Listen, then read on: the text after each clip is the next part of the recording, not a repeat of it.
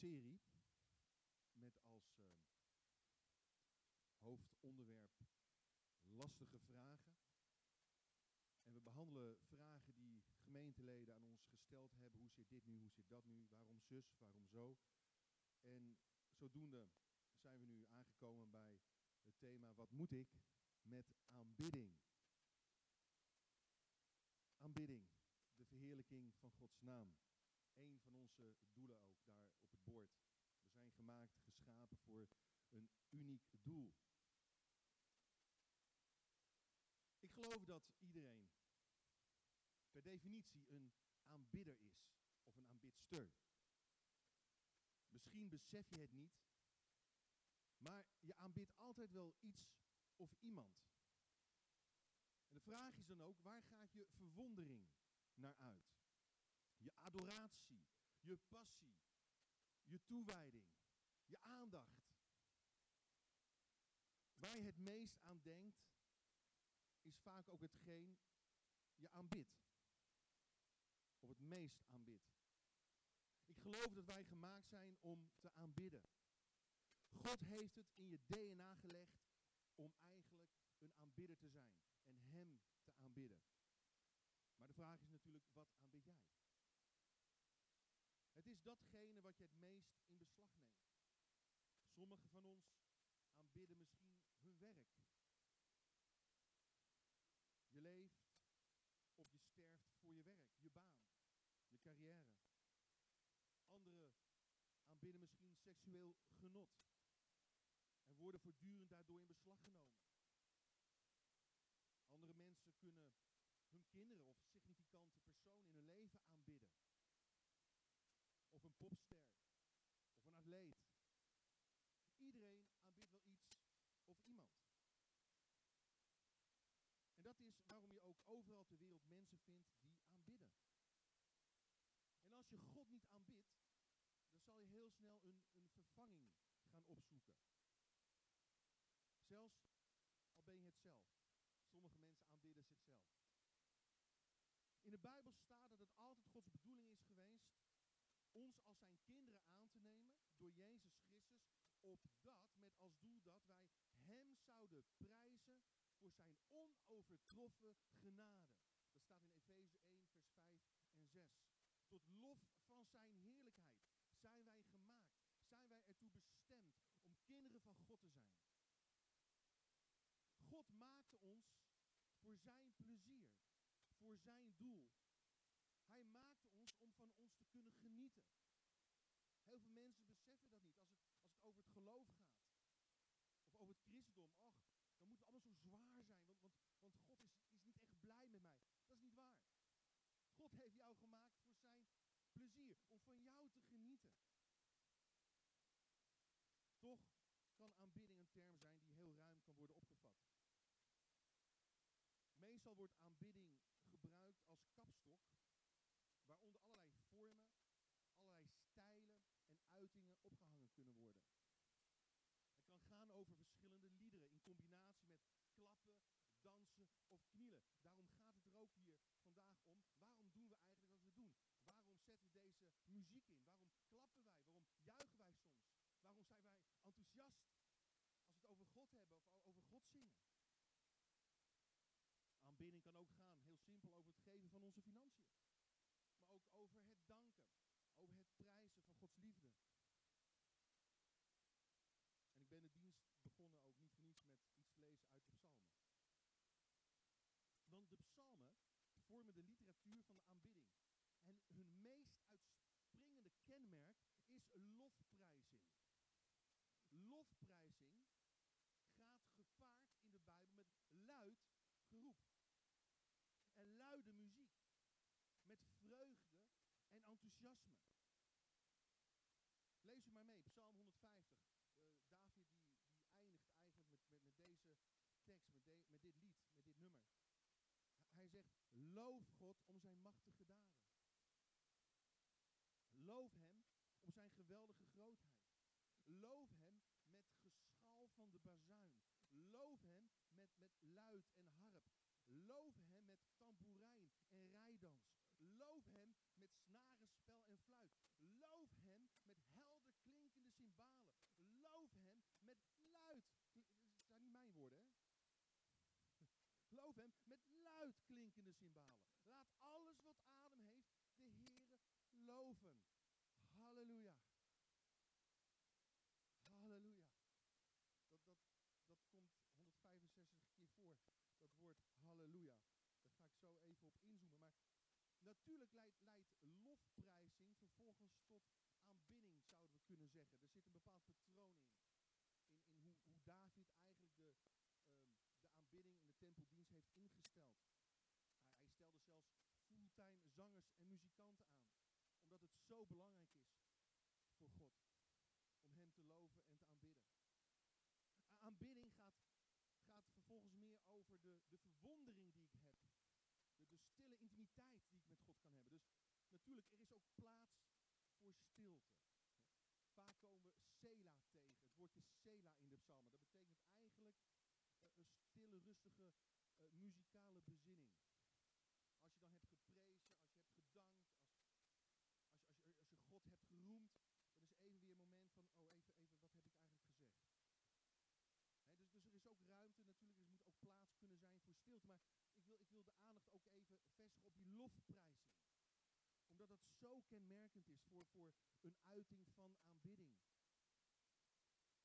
Uh, lofprijzing is, is, baanbrekend. Het is strijdend. Het is krachtig. Als ik heel eerlijk ben, ik, ik ben gek op onze muziek. En, en de muziek die we gebruiken van bijvoorbeeld Hillsong of de Planet Shakers of Chris Tomlin. En, maar wat, wat ik een beetje mis in, in de contemporary worship, uh, de hedendaagse uh, aanbiddingsmuziek in de wereld, is die lofprijzing. Ik mis ik mis het, is, het gaat vaak meteen over in aanbidding. Dan mis ik juist dat dynamische, dat krachtige. Van kom op, we gaan juichen, we gaan klappen, we gaan strijden voor God. Lofprijzing heeft te maken met strijd, met geestelijke strijd. Dat is zo belangrijk.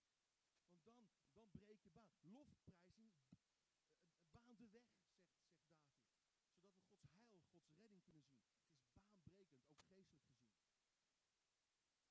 ook geestelijk gezien gericht op Gods daden. Weet je, op een, uh, bij een militaire vliegbasis stond het volgende bord langs de weg. Sorry voor het lawaai dat we maken. Maar het is het geluid van onze vrijheid. Het is het geluid van onze vrijheid. En, zo wil ik even dat woordje halal uitdiepen. Lees u mee op uw handout. Halal, dat is een stamwoord van halleluja. Dat betekent letterlijk vanuit het Hebreeuws uitbundig vieren zelfs dwaas zijn. Ook David, hij, hij kon dwaas voor God zijn. Wat maakte hem het uit? Ook al, ook al verachtte zijn vrouw hem, dat, dat, hij, dat hij bijna uh, in, in, in zijn blootje aan het dansen was. In zijn ondergoed als het ware. Maar hij, hij was zo enthousiast toen de tabernakel weer terugkwam in het land van Israël. Uh, en, en, en, en, God weer tegenwoordig was. Dat hij helemaal uit zijn dak ging. Dwaas. Het, het heeft te maken met, met prijzen en geschreeuw. Niet, niet fluisteren geschreeuw, uh, luid geroep, stralen, met enthousiasme over God spreken. En ik weet dat heel veel mensen zeggen, ja, maar dat past niet bij mijn aard. Zo zit ik niet in elkaar. Laat eerlijk zijn, vooral wij Nederlandse of nuchtere Friesen, die zeggen, ja, doe maar gewoon, hè, doe al gek genoeg. Uh, maar, maar, maar laten we nou gewoon kijken wat, naar wat de Bijbel zegt. Niet, niet wat wij vinden, wat wij denken, nee, wat, wat, wat zegt God erover? De lofuiting, halleluja, is natuurlijk een, een internationaal bekend woord. We kennen het lied allemaal wel van, van Cohen. Halleluja, halleluja, halleluja. Ja. Dat zingen laat ik aan anderen over. Maar, maar, maar luister, naast amen en Coca-Cola is halleluja het meest herkenbaar woord op deze wereld. En dit woord, halleluja, ook voor eeuwig in de hemel klinken. Het is het geluid van onze vrijheid. Het is het geluid van onze redding. Het is het geluid van onze verlossing in God, in Christus. En het enige boek in het Nieuwe Testament waarin halleluja letterlijk in het Hebreeuws staat. We weten het Nieuwe Testament is in het Grieks geschreven. Maar het Hebreeuwse woordje halleluja komt in één boek terug. In het Nieuwe Testament. Dat is in openbaring. Johannes, hij, hoort in een visioen hoe in de hemel een stem van een grote menigte van geweldige watermassa's God aanbidt. En het gaat gepaasjas met krachtige donderslagen. Ja, heb je wel eens een donderslag meegemaakt? Heb je wel eens een blikseminslag meegemaakt? Nou, ja, zou je hier niet zijn natuurlijk, maar ik bedoel, eh, wel, eens, wel eens gehoord of op tv gezien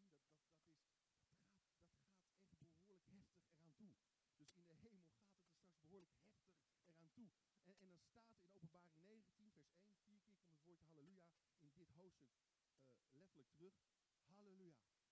De redding, de eer en de macht zijn van onze God, want zijn vonnis is betrouwbaar en rechtvaardig.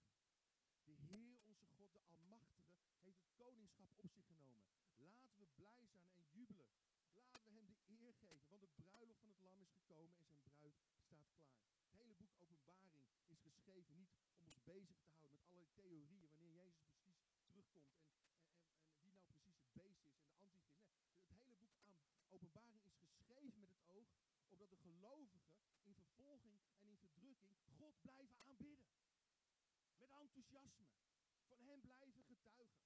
Want Jezus is de geest van profetie.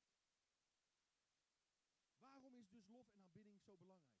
Ik, ik, ik hou van dit onderwerp. Ik hou van dit thema. Ik wil, ik wil u dit uitleggen. Luister goed. Doordat de psalmen het zingen en bidden onder muziekbegeleiding samenbrengt, is het iets enorms dynamisch. Muziek, luister goed, bepaalt de cultuur van onze gemeente. Bepaalt wie er komt. Ook misschien soms wie er weggaat. Maar muziek is een heel krachtig communicatiemiddel. Weet je waarom? Omdat ze zowel de emotie als de wil, zowel de verbeelding als het verstand aanspreekt. Het is de taal van deze tijd. Maar dat was het ook al in de Bijbelse tijd. Dus als we muziek aan gebed dat doet de psalmist voortdurend, dan hebben we een onwijs krachtige combinatie. Daar gaat onwijs veel kracht van uit. Daarom is God loven en aanbidden met muziek en zang zo belangrijk. Want hij die zingt, bidt dubbel zoveel. Dat zei Maarten Luther. Want hij die zingt, bidt dubbel zoveel. En als ik God prijs, en als ik God aanbid, dan geef ik hem wat hem toekomt. Dan geef ik iets wat hij verdient te ontvangen en wat hij zichzelf niet kan geven. Dus wat we doen ook in het natuurlijke heeft impact op het geestelijke. Het, het, het klappen in de handen. waarom worden we opgeroepen in de psalmen om dat te doen? Het juichen, soms het schreeuwen, soms ook het, het neerknielen, het buigen. Dat heeft effect in de geestelijke wereld. Ja, je kunt ervoor kiezen om met je armen over elkaar te zitten tijdens, tijdens de aanbiddingsdienst, om het zo maar even te noemen. Maar de vraag is of dat, of dat de bedoeling is. Of je, of, of je daar zelf beter van wordt. Ik, ik wil je uitdagen. Heel, heel eenvoudig. Dat hoeft niet. Maar ik wil je uitdagen om, om los te komen. Ik wil je uitdagen om, om, om, om enthousiast te zijn als, als we het over God hebben. Om misschien af en toe eens amen te zeggen tijdens de preek. Amen. En dat mag. Dat mag hier in deze kerk. Maar goed, waarom is lof en Ik heb een paar, een paar uh, punten um, samengevat. Lees je mee. Lof en aanbidding is wat God als schepper en koning rechtmatig toekomt. Rechtmatig toekomt. Er staat in openbaring 4 vers 11. U komen alle lof, eer en macht toe. Heer onze God, want u hebt alles geschapen en uw wil is de oorsprong van alles wat er is. Hij heeft rechtmatig. Hij, hij, heeft, hij, hij, hij verdient het. Hij, hij heeft er in die zin recht op dat wij hem loven en aanbidding, om, aanbidden om deze reden. Zijn wil is de oorsprong van alles wat er is. We loven en aanbidden God om zijn eigenschappen. Hij is genadig, hij is hij is geduldig en hij is trouw tot in eeuwigheid. Hij is vol goedheid en ontferming. En het komt God toe als schepper en koning van ons leven.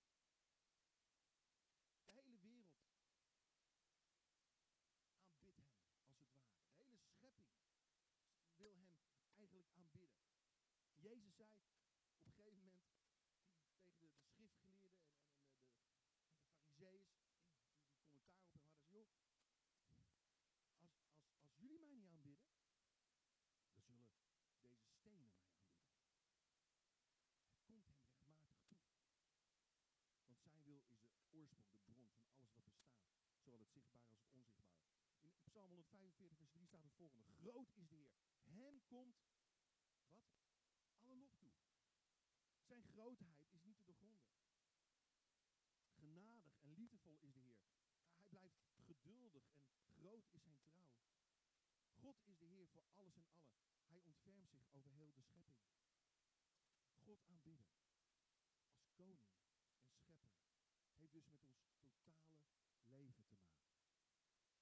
God laat zich ook namelijk in het dagelijkse en in het gewone ontdekken. En, niet altijd zozeer in het spectaculaire en het buitengewone. Een, een, ehm, schrijver die, die uh, gelovigen aanspoorde jaren geleden om echt Gods woord te onderzoeken en in de Bijbel te lezen en, te bidden, God te zoeken, zijn tegenwoordigheid. Thomas Merton, hij, hij spoort ons aan om een onbeschrijfelijke eerbied voor de heiligheid van het geschapene te hebben. Nou, wat bedoelt hij daarmee? Hij bedoelt hier dit mee. Het inzetten van onze talenten, of gewoon ons ding doen op ons werk, kan net zo goed een daad van aanbidding zijn. Paulus zegt in, in 1 Korinthe 30, vers, 1, 1, uh, vers 10, uh, hoofdstuk 10, vers 31. Dus of u nu eet of drinkt of iets anders doet, doe alles ter ere van God. Doe alles ten ere van God. Wat je ook doet. Kijk, de schilder, de chirurg, de advocaat, de zakenman, de secretaresse, de leraar, de boer, de kunstenaar. De, ze, ze aanbidden allemaal. Hoe? Door hun werk aan God op te dragen. Door God in hun werk, in het dagelijks leven te betrekken. Dus, dus ik, ik wil het gewoon ook even heel nuchter brengen. Het is niet alleen maar zingen en juichen en schreeuwen en dat soort zaken. Aanbidding is, is, is alomvattend eigenlijk. De mooiste tekst uit de film Chariots of Fire, dat gaat over een atleet, een Olympisch kampioen, is de opmerking van, van Eric Liddell, die atleet. Als hij zegt, als ik ren, dan voel ik Gods vreugde in mijn hart opkomen. Als ik ren, als ik bezig ben met rennen, dat is mijn ding. Dan voel ik Gods vreugde in mij opkomen. Dus met ons werk, inzet van onze talenten, met ons dienen, het alledaagse, dagelijkse, het gewone, kunnen we ook God aanbidden. Omdat we de schepper het dichtst naderen als we creatief bezig zijn. Weet je, in Gods koninkrijk ligt de waarde van het werk niet zozeer in de beloning die je ervoor krijgt. Luister goed, werk weerspiegelt het beeld van God in ons. En daar halen we onze voldoening uit. Weet je, als je niets anders kunt doen dan het oprapen van papiertjes, dan kun je toch nog God aanbidden daarmee. Door dat te doen met alles wat in je is, tot eer van God. Tot verheerlijking van zijn naam. Met de juiste houding, met dankbaarheid, met erkenning van wie hij is. En tot zegen van je naaste. Waarom zouden we God moeten aanbidden? Ten tweede, loven en eren. Lof en aanbidding manifesteert, vult u in, manifesteert Gods tegenwoordigheid. Lof en aanbidding manifesteert Gods tegenwoordigheid. Dat zien we voortdurend in, in het boek Kronieken en in het boek Samuel. Als, als het volk van Israël God gaat loven en prijzen. God zelfs gaat juichen bij de muren van Jericho. Gingen ze keihard juichen op de zevende dag. En de muren die, die storten ineen. Er gaat iets gebeuren gewoon. Het manifesteert Gods tegenwoordigheid. Het manifesteert Gods kracht. Toen de ark van het verbond in de tempel werd gebracht. Toen werden alle zangers en muzikanten bij elkaar geroepen. En ze moesten God gaan prijzen. En toen de tempel van Salomo werd ingewijd met de lofzang, vulde Gods majesteit de hele tempel. Lees er mee. 2 Kronieken 5 vers 13. Op dat moment, de tempel was, was, was afgebouwd, moesten de blazers en zangers samen muziek ten gehore brengen ter ere van de. Zodra het geluid van de trompetten, de cymbalen en andere instrumenten opklonk en de zangers de lofzang aanhieven, de Heer is goed, eeuwig duurt zijn trouw, vulde de tempel, het huis van de Heer, zich met een wolk. Gods nabijheid was zelfs zo sterk dat de priesters niet eens meer op hun benen konden blijven staan. En natuurlijk, God is alomtegenwoordig. Maar door lof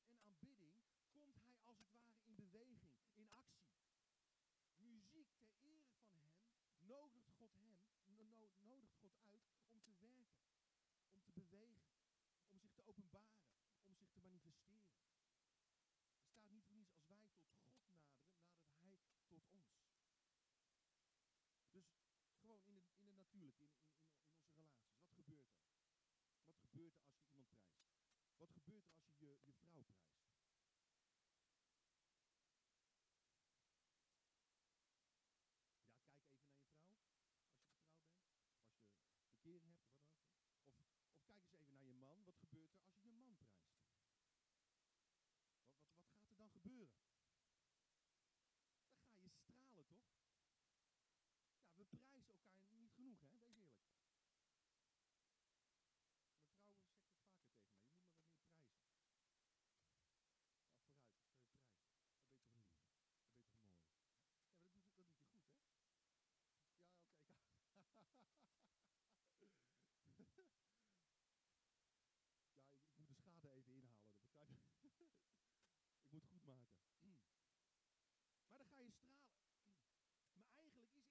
Zo met God.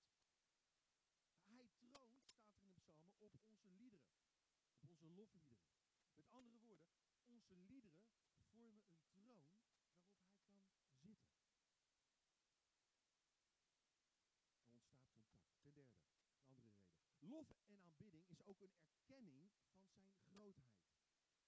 Het is een erkenning van zijn grootheid. Zing voor de Heer een nieuw lied. Zing voor hem een nieuw lied. David, hij zong voortdurend nieuwe liederen. Sommige mensen vragen waarom hebben we, hebben we hier zo vaak nieuwe liederen? Nou, dat is heel bijbels. Zing voor de Heer een nieuw lied. Hem komt toe een nieuw lied. Zing geestelijke liederen, door de geest geïnspireerde liederen. Als je ook vervuld wil blijven met Gods geest.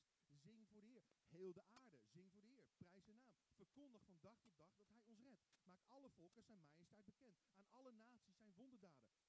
Groot is de Heer. Erken de Heer de majesteit van zijn naam. Dat woordje erkennen komt voortdurend dan in deze psalm terug. Erken de majesteit van zijn de grootheid, de heerlijkheid. De majesteit, is eigenlijk de, de, tota-, de totale som van zijn eigenschappen. Dus de, de verwondering en erkenning over wie God is, vormt de diepste bodem van de lofprijzing en de aanbidding. Dus als je het hebt over aanbidding, waar heb ik het dan over? Dan heb ik het over de erkenning van Gods grootheid en zijn majesteit.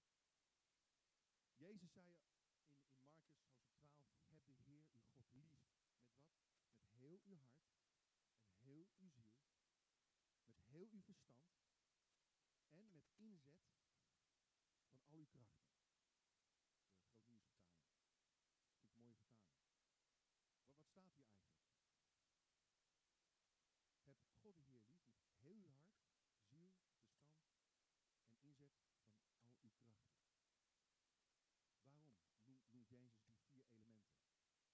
Omdat ik daarmee zijn onzagwekkende grootheid en majesteit erken. En God op de eerste plaats zet. God, hij dus mijn, mijn hart, oftewel mijn genegenheid. Hij verdient mijn, mijn ziel, dat is dus als het ware mijn gevoelens, mijn passie. Hij, hij verdient de aanbidding van mijn verstand, dat, dat, dat is eigenlijk mijn aandacht, mijn gedachten. En al mijn krachten, mijn talenten en mogelijkheden die ik voor hem inzet. Dus, dus eigenlijk zegt Jezus hier heel duidelijk dat aanbidding, God liefhebben met alles wat in je is, een levensstijl is waarin je God op de eerste plaats zet in alles wat je doet, denkt en voelt. Hem erkennen met lof en aanbidding is dus hem op de eerste plaats zetten, want hij is groot. En dan ten vierde, lof en aanbidding verandert je perspectief op problemen. Er staat in Psalm 18, vers 3. Ik heb u lief, Heer, mijn sterkte, Heer, mijn rots, mijn vesting, mijn bevrijder, God, mijn steenrots. Bij u kan ik schuilen. Mijn schild, kracht die mij redt, mijn burcht. Ik roep, geloofd, zei de Heer, geprezen, zei de Heer. Want ik ben van mijn vijanden verlost. En ik geloof dat door lof en aanbidding onze kijk op onze omstandigheden kan veranderen. En de manier waarop we daarmee omgaan. Het verandert soms je perspectief volledig. Ook in de pijn van het leven, ook in het lijden, ook in de moeite en in de zorgen. En je vraagt aan Theresia of ze wil komen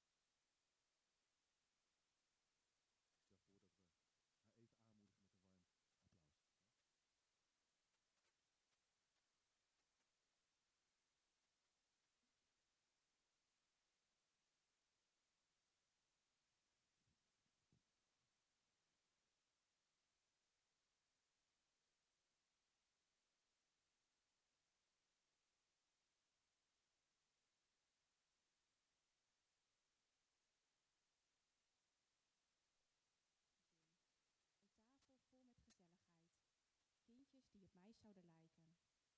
Kopjes met krulletjes en kindjes die op Jeroen zouden lijken. En natuurlijk zouden onze kinderen muzikaal zijn. We zouden een actief jong gezin zijn. We zagen onze ideale plaatje al helemaal voor ons. Na een jaar getrouwd te zijn geweest, was dan het moment. We konden niet wachten. Elke maand waren we vol verwachting. En elke maand werd ik niet zwanger. Maand na maand. We vroegen af, waarom Heer? Waarom word ik maar niet zwanger? Na verloop van tijd werden onze waarom-vragen steeds vaker een wanhopend huilend gebed om een wonder. Maar er gebeurde niks. We zijn uiteindelijk naar de huisarts gegaan. We zijn doorgestuurd voor onderzoek en binnen een paar dagen werd mijn grootste angst werkelijkheid. We konden onmogelijk kinderen krijgen. Er was 0% kans dat we spontaan zwanger zouden worden. Een enorme klap. Het voelde alsof mijn hele bestaan, mijn toekomst, mijn dromen onder me weg werden geslagen. Dit kon niet waar zijn. Ik kon het niet geloven. Na een aantal gesprekken kwam er een optie voor een ingewikkelde, gecompliceerde medische behandeling. Een strohalm die we vastgrepen. Een loodzwaar traject. Geestelijk, maar ook lichamelijk en financieel. Uiteindelijk hebben we negen behandelingen ondergaan. Elke behandeling begonnen we vol hoop en vertrouwen. Maar elke behandeling eindigde in een diepe teleurstelling. Weer geen kindje. Weer een lege buik, lege handen en een gat in mijn hart. In die tijd werden veel vrienden van ons zwanger. Mijn jongere zusje werd zwanger. Ik was blij voor hun. Blij dat ik tante werd. Maar tegelijkertijd ook zo verdrietig en boos. Waarom ik niet? Ik was teleurgesteld in mijn lijf en in mezelf als vrouw. Ik voelde me niet compleet, niet goed genoeg. Kinderen zijn een zegen van God, hoorden we vaak in de kerk. Dat deed nog meer pijn. Waarom zegende God ons dan niet? Moesten meer geloof hebben, op vakantie gaan, het loslaten. En vooral bidden voor een wonder. Alsof we dat niet deden. Dat maakte het voor mijn gevoel extra moeilijk. Deed ik dan iets verkeerd? Hoe kon ik God nog gaan bidden? Ik heb vaak geen woorden om te bidden. We zongen vaak samen het lied Yet I Will Praise You. Het lied gaat erover dat zelfs al is mijn hart, mijn leven aan stukken, dan nog zal ik u aanbidden. Dat lied zegt precies hoe wij het ervaren hebben. Juist in de pijn en het verdriet. En ondanks onze vragen bleven we God aanbidden. We bleven samen zingen, de diensten bezoeken en God aanbidden. Vaak met een brok in de keel en vaak tegen de klippen op. Aanbidden met ons verstand, door de tranen heen. Ons leven stond inmiddels al tien jaar in het teken van onze kinderloosheid. We besloten nog één laatste wanhoopspoging te doen. Na een dramatisch verlopen behandeling, waarin ik heel erg ziek ben geweest, werd duidelijk dat ik weer niet zwanger was. Maar dapper gingen we met onze liefste vrienden barbecuen en vieren dat we samen ook gelukkig zijn. We zouden het loslaten. Mijn vriendin zag mij en zei direct, weet je wel zeker dat je niet zwanger bent? Ja, dat wist ik zeker, dacht ik. Een paar dagen later moest ik bloed prikken en dezelfde dag werd ik gebeld. Gefeliciteerd, u bent zwanger. Ik kan niet omschrijven hoe intens blij ik was. Ik ben nog nooit zo euforisch geweest. Ik heb geschreeuwd van geluk. Maar al vrij snel voelde ik me niet lekker. Ik werd misselijk en ik voelde me raar. Ik deed ongeveer vijf zwangerschapstesten op een dag. Ik kon niet geloven dat ik echt zwanger was. In de zesde week wist ik ineens zeker, het is niet goed. Het was een gevoel. Ik ben in de auto gestapt en naar het ziekenhuis gegaan. Huilend ben ik de verpleegkundige, die ik inmiddels goed kende, in de armen gevallen. Ze hebben een echo gemaakt. Het kindje bleek niet in mijn baarmoeder te zitten, maar in mijn voelde, kan ik niet beschrijven. We zijn meer dan een jaar bezig geweest om het verdriet van het kinderloos zijn een plekje te geven. Maar ik heb vooral achteraf gezien dat God er al die tijd was. Hoe diep ik ook zat, hoe boos ik ook was en hoe ellendig ik me ook voelde, de hand van God heeft me altijd weer erbovenop geholpen. Soms werd ik diep geraakt door een lied. Vaker was het door lieve mensen die op ons pad kwamen. Mensen waar we ontzettend mee konden lachen en huilen. Mensen bij wie we gewoon mochten zijn, met al onze tranen. Mensen die voor ons baden, als we het zelf niet meer konden. We hebben tot ons grote verdriet geen biologische kinderen gekregen. Maar God heeft ons wel rijk gezegend met een fantastisch huwelijk. Door alle stormen heen hebben we altijd zielsveel van elkaar gehouden. Ook al begrepen we elkaar vaak niet. Jeroen ging op in zijn muziek en ik voelde me vaak onbegrepen. Het had ons makkelijk uit elkaar kunnen drijven. Maar in ons diepste verdriet vonden we elkaar. We vonden vreugde in elkaar. En leerden dat we samen een heel gelukkig leven konden hebben, ook zonder kinderen. Daarin zien we echt Gods zegen. We konden langzaam weer genieten en er ontstond ruimte voor andere dingen. Dat het moment dat er een zaadje werd geplant door onze lieve vrienden over van betekenis zijn voor andere kinderen. Uiteindelijk zijn we nu een gezin geworden van vier prachtige pleegkinderen. Geen blonde krullenkopjes, geen kindjes uit mijn buik, maar ze zijn wel in mijn hart gegroeid. De pijn van het geen biologische kinderen hebben blijft altijd. Maar ik voel me zo rijk gezegend dat deze kinderen op ons pad zijn gekomen. We geloven dat God ons verdriet en wanhoop heeft omgezet in hoop en vreugde. Ik mag nu een moeder zijn voor deze kinderen die in een hopeloze situatie zaten. Onze droom was een groot gezin, is werkelijkheid geworden. Wel anders dan we twintig jaar geleden dachten. Of dit Gods plan was, weet ik niet. Wat ik wel weet, is dat God de situatie van zowel de kinderen als ons compleet heeft veranderd ten goede. Ik heb door de jaren heen ervaren dat God de bodem onder mijn bestaan is, mijn fundament. Ook al voelde ik het soms niet zo, ik heb ervaren dat al is mijn verdriet nog zo diep, Gods liefde is dieper. Dat maakt ook dat ik Hem zal blijven aanbidden, zelfs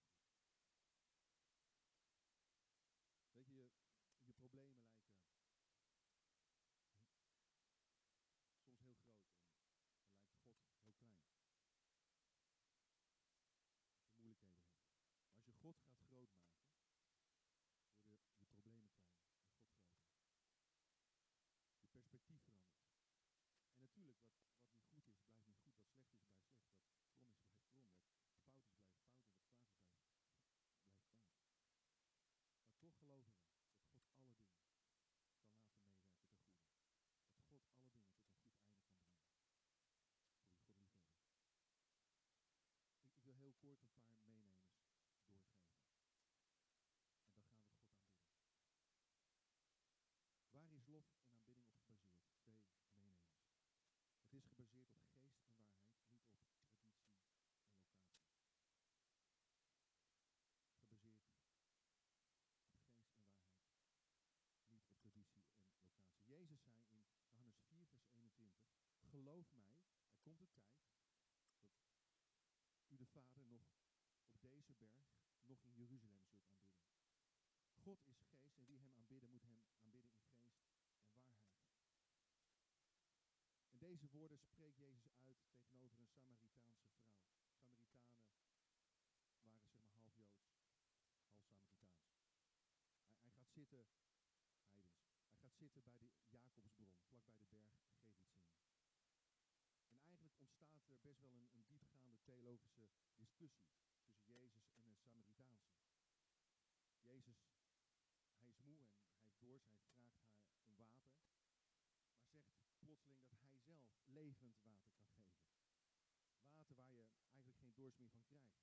Water dat binnenin jou een bron wordt, dat niet opdroogt. Water dat opspringt tot eeuwig leven. Maar de vrouw, zij, zij houdt in eerste instantie vast aan haar traditie. Ze zegt, ja maar wacht even. Het kan toch niet waar zijn dat Jezus meer is dan onze voorvader De Samaritanen, die, die zagen in Jacob een heel, heel belangrijk figuur. En hun godsdienst was ook een beetje rondom Jacob gebouwd. Dat was een traditie. Toen Jezus haar vertelde dat ze al vijf mannen had gehad, toen begreep ze, hé, hey, dit is niet zomaar iemand, het is een profeet. En ze zag haar kans schoon om Jezus een kwestie voor te leggen die eigenlijk haar heel hoog zat. En het was het struikelblok tussen de Joden en Samaritanen. Want wat is nu de juiste plaats om God te aanbidden? Haar voorouders, nogmaals, het was de traditie, zeiden op de berg Gerizim. De Joden zeiden dat Jeruzalem de juiste locatie is. Waarom? Gerizim was de plaats waar Mozes een zegen over het volk had uitgesproken. In Deuteronomium 11 vers 29. Maar de Joden hielden het op Jeruzalem, want dat was de plaats die God had uitgekozen voor zijn naam. Brengen van offers. Dus er was voortdurend tweestrijd. En dan zegt Jezus, wacht even, het gaat niet meer om de locatie, het gaat niet meer om een bepaalde traditie, waar en waarmee. Nee, de tijd is gekomen dat het gaat om de manier waarop. Dat is in geest en in waarheid. En dat overstijgt de middelen. Het overstijgt de tradities waar we vaak zo aan vast kunnen zitten. Zoals het vroeger ging. Toen was het, alles was beter. Toen, zoals het vroeger ging. Nee, nee, nee. Het gaat om in geest en in waarheid. En vervolgens, aanbidding, lof en aanbidding is ook gebaseerd op keuze en overgave. Niet op smaak, niet, op, niet niet op stijl. Keuze en overgave, niet op gevoel en stemming. Ja, ook al is er gebrek soms in je leven. En ook al voel je soms er helemaal niets voor om God te gaan danken, om God te gaan prijzen, om God te gaan loven. Of je bent blut, of je ziet geen vrucht, je ziet geen groei. Dingen gaan niet zoals jij dat wil. Je bent niet in een goede stemming. Toch kun je ervoor kiezen om God te eren. Toch kun je ervoor kiezen om Hem te danken in plaats van te klagen. Habakuk zei, hoofdstuk 3 vers 17, al zou de vijgenboom niet bloeien, al zal de wijnstok niets voortbrengen, en al zal de oogst van de olijfboom tegenvallen, al zal er geen koren op de akker staan, geen schaap meer in de kooien zijn, toch zal ik juichen voor de Heer, jubelen